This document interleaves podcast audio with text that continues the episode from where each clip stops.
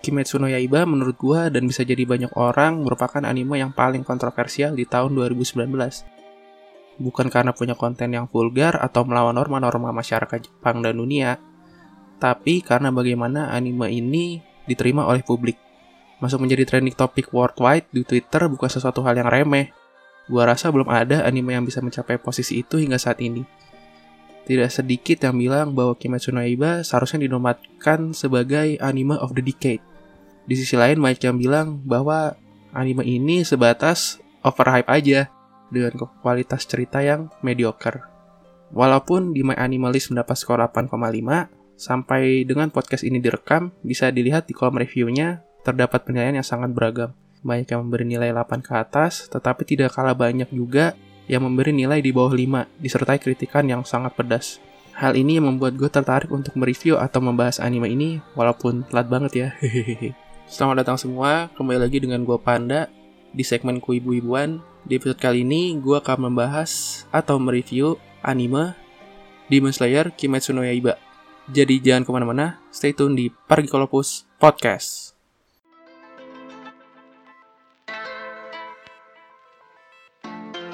Paragi Kolopas Podcast Keribu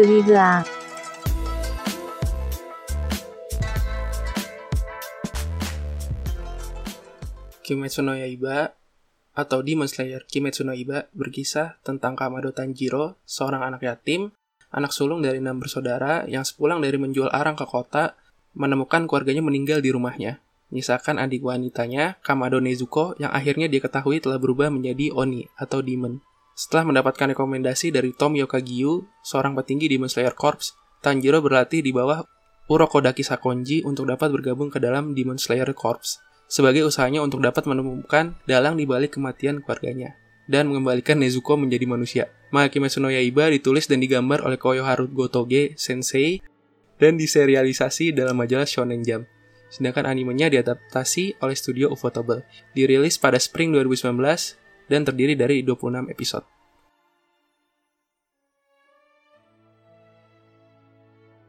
Untuk reviewnya kita mulai dari karakter ya. Tanjiro sebagai karakter utama punya charmnya sendiri. Tanjiro tuh digambarkan sebagai karakter yang baik banget, baik banget. Jadi kalau nyari sosok kakak yang ideal, anak yang ideal, atau bahkan suami ideal ya Tanjiro ini standarnya ini. Gue belum pernah menemukan karakter sebaik ini di di anime mana pun ya. Dia tuh sayang anak-anak, terutama adik-adiknya. Baiknya tuh nauzubillah, rajin banget. Terus juga orangnya selfless ya. Jadi di beberapa episode itu diperlihatkan gimana Tanjiro ini walaupun dalam kondisi yang mau mati, dia tuh masih sempat-sempatnya nginget sama orang. Di episode pertama juga waktu dia datang ke kota itu untuk menjual arang, ya dia kan tinggalnya di perbukitan atau pegunungan gitu ya.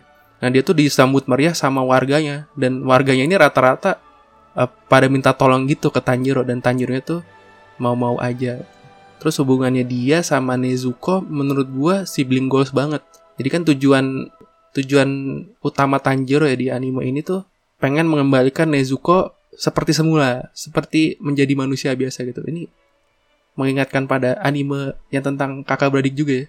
Sebagai seorang wibu, gue sedikit bosan dan sampai sekarang masih agak janggal sih. Bagaimana banyak hubungan kakak beradik di anime atau manga atau adaptasi seri keluaran Jepang lah itu membawa hubungan kakak beradik itu ke arah romance atau incest. Ya walaupun kadang pakai dalih step sister, step brother, step mother atau apalah itu. Cuman aneh gue masih ngerasa itu aneh. Jadi senang aja gitu ngeliat hubungan kakak beradik Tanjiro dan Nezuko ini yang genuine dan sweet. Menurut gue kainnya ini dengan baik bisa mendeliver momen-momen sweet ini. Jadi penonton tuh kayak terunyuh banget. Jadi pengen support hubungan kakak beradik yang lucu gitu, yang unyu-unyu gitu antara Tanjiro sama Nezuko. Terus karakter main karakter lainnya tuh ada Inosuke dan Zenitsu. Yang menurut gue dua-duanya punya karakter yang menarik, lucu banget. Interaksinya tuh lucu banget. Dinamikanya bareng Tanjiro membuat suasana tuh lebih komedik. Kalau lihat dari sisi lain, keberadaan Inosuke dan Zenitsu ini mengeluarkan sisi bocahnya Tanjiro yang di awal-awal episode sebelum ketemu dua makhluk ini tuh kan dia cuma bertualang bareng Nezuko. Nah biasanya kalau dalam kondisi-kondisi genting itu dia tuh harus bersikap bagaimana menjadi kakak yang kuat gitu harus yang dependable dan lain-lain. Tapi setelah ketemu Inosuke Inosuke dan Zenitsu dan bergabung ke dalam partinya si Tanjiro penonton tuh dikasih lihat tingkah laku anak 15 tahun pada umumnya. Ya kayak lu misalnya lagi jalan-jalan atau naik motor kita ngeliat sekumpulan anak anak remaja tanggung lagi bercanda-bercanda ini ya vibe-nya sama. Jadi seneng aja ngelihat keberadaan mereka berdua. Kayak ini bisa sampai pada tahap ini sebagian besar merupakan andil dari Ufotable sebagai studio yang mengadaptasinya ke format anime. Gue sih berani bilang ya kalau kayaknya ini diadaptasi oleh studio lain kayaknya nggak bakalan sebombastis ini gitu. Jadi dari project-project sebelumnya Ufotable itu bisa dia bilang dia ini studio yang posisinya tuh di atas sana lah oh, dalam hal memadukan animasi dua dimensi dan tiga dimensi. Kalau di Kimetsu no Yaiba ini yang kelihatan banget tuh ini ya efek sabetan pedang Tanjiro tuh mirip banget sama artnya Katsuhika Hokusai gitu. Kalau lo tahu yang lukisan Jepang ombak laut nah itu mirip kayak gitu. Uh, silahkan di Google deh gimana bentuknya. Terus penggunaan shaky cam dan angle kamera tuh yang cakep banget apalagi waktu fight yang paling kata sih waktu fightnya dia di lawan demon di mansion itu yang yang dia bisa ngatur ruangan tuh gila itu pemaduan antara gerakannya Tanjiro sama gerakan perubahan ruangannya itu tuh cantik banget itu bisa sampai kayak gitu tuh luar biasa sih sisanya ya episode 19 pastinya itu nggak perlu dibicarakan lagi terus untuk opening dan endingnya itu dibawakan oleh Lisa ya kalau Lisa tuh ya Lisa banget gitu. Kayak kalau Lisa nyanyiin opening tuh nggak pernah jelek sih. Bahkan kalau animenya jelek asal dinyanyiin Lisa pasti enak-enak aja didengerin. Contohnya kayak SAO gitu. kalau nggak bagus ya bagus banget gitu. Apa pun yang dibawakan oleh Lisa. Cuman yang paling mantap sih menurut gue tuh insert songnya di episode 19 ya. Yang judulnya Kamado Tanjiro no Uta. Itu tuh gila. Bener-bener mengelevate scene-nya tuh menjadi klimaks. Jadi bener-bener klimaks gitu ya. Apik sekali lah pokoknya. Terus untuk background musiknya atau BGM-nya OST lah ya. Itu dikomposisi sama Yuki Kajiura. Ini komposer yang bisa dibilang terkenal sih di dunia peranimean dan langganannya Ufotable juga sih. Dia di Karanok Yokai, terus di Fate Stay Night tuh kalau nggak salah pakai Yuki Kajiura juga. Nah di sini nih Yuki Kajiura tuh banyak menggunakan instrumen tiup sama ada kayak chan chan chan apa bunyi bunyi eh ya gitu tuh yang gue nggak tahu ya tuh istilahnya apa cuman itu tuh membuat suasana tuh jadinya vibe-nya tuh magis gitu. Personal favorit gue sih main temanya sama temanya Zensu itu wah gila itu. Untuk voice aktornya sih keren-keren semua ya itu A-list semua gitu. Pokoknya yang sudah terkenal lah gitu ya. Tapi yang menurut gue perlu diberikan apresiasi setinggi-tingginya itu ya voice actornya Zenitsu sama Inosuke gitu ya. Si Shimonohiro sama Masayoka Yoshitsugu. Yang kayaknya tuh pita, pita sore tuh mau putus gitu karena sering banget dialognya tuh teriak-teriak gitu dua-duanya. Yang gue bingung tuh ini sih voice aktornya Nezuko ya. Si Akari Kito itu castingnya gimana? Coba dia kan ngomongnya tuh bisa dihitung dengan jari ya. Karena biasanya dialognya cuma hmm, hmm, hmm, hmm gitu kan. Sama menggeram aja. Selain poin-poin yang udah gue sebutin tadi gue juga setuju banget sih sama opininya abang-abang otaku box ya.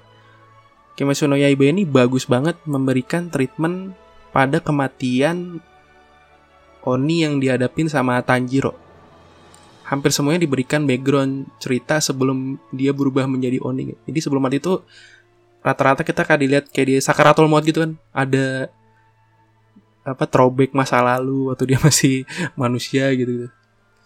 Terus senang juga bagaimana Kimetsu no Yaiba ini melihat kematian itu sebagai bentuk salvation gitu. Jadi penonton itu diajak melihat dari sudut pandang Tanjiro dengan kondisi adanya yang nggak ada angin nggak ada hujan tiba-tiba berubah jadi Oni gitu. Jadi kita sebagai penonton diajak untuk mendi mengerti kondisinya si Oni. Walaupun beberapa Oni memang ada sih yang atas keinginan sendiri pengen berubah jadi Oni. Tapi pada akhirnya kan mereka ini bisa dibilang hanyalah orang-orang yang salah jalan aja dan tidak bisa kembali menjadi manusia kan nggak sampai sampai di anime kan diceritain bahwa kalau jadi Oni tuh belum ada obat sembuhnya gitu. Karena si Tanjiro kan lagi nyari buat Nezuko.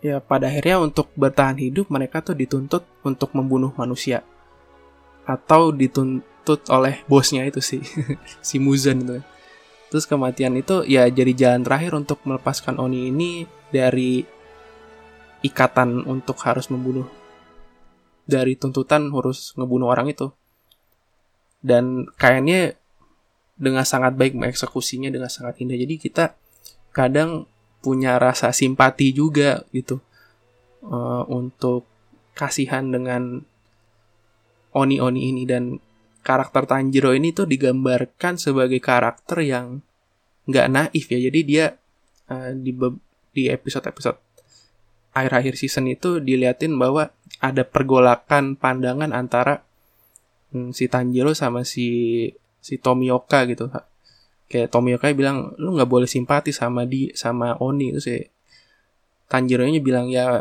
ya gimana nggak simpati ya mereka? Ini kan dulunya manusia cuman berakhir kayak gini. Pada akhirnya si Tanjiro bilang ya gue bakalan tetap bunuh si Demon ini kan dia udah bunuh banyak orang tapi kenapa gue nggak boleh tetap simpati dengan mereka? Kalau mereka itu adalah ya dulunya manusia juga kasihan juga kan. Cuman yang paling gue suka dari Kimetsu no Yaiba ini adalah bagaimana nilai kekeluargaan tuh menjadi aspek yang sangat penting dia. Kalau sering ngikutin manga atau anime shonen atau action, kayaknya jarang deh bawa nilai kekeluargaan itu ya. Apalagi untuk karakter karakter utamanya gitu. Biasanya tuh nilai pertemanan lah ya, sering dipakai gitu kan. Ini ya, three principle of shonen jump itu kan friendship, effort, victory. Nah itu nggak ada, tidak ada family di dalam yang hanya friendship, effort dan victory. Tidak ada family effort dan victory gitu.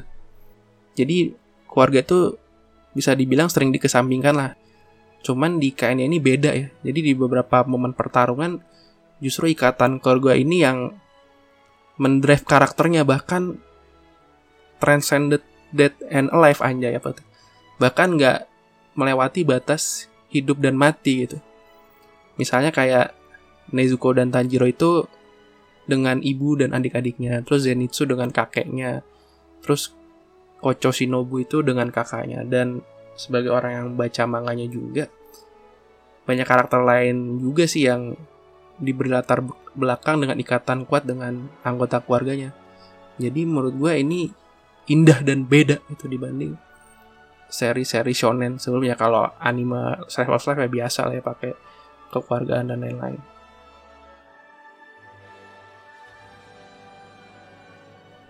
Itu kelebihannya. Nah, kalau kekurangannya yang paling sering gue denger sama penonton Kimetsu no Yaiba ini adalah pace-nya tuh di awal-awal agak lambat ya. Jadi beberapa orang tuh keburu ngedrop anime ini karena hal-hal tersebut.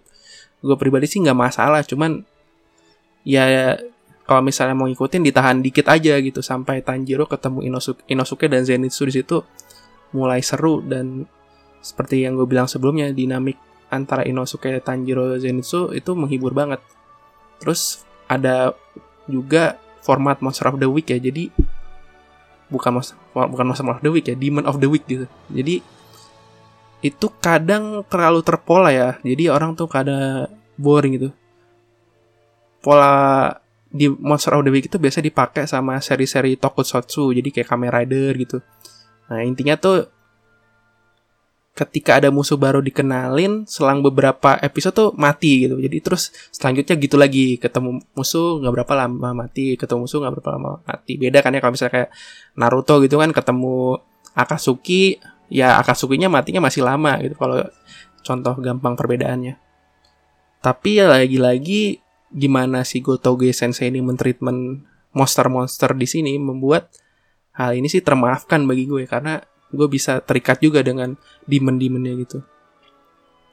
Terus walaupun Auto Photable ini bisa dibilang studio terbaik ya dalam membadukan animasi dua dimensi dan tiga dimensi, ini sih minor sih, ya, tapi di beberapa scene itu kadang kelihatan banget 3D-nya ya kayak beberapa kali tuh Tanjiro lagi jalan itu ketara banget 3D-nya kayak out of place dengan latar belakang yang dua dimensi banget itu agak aneh.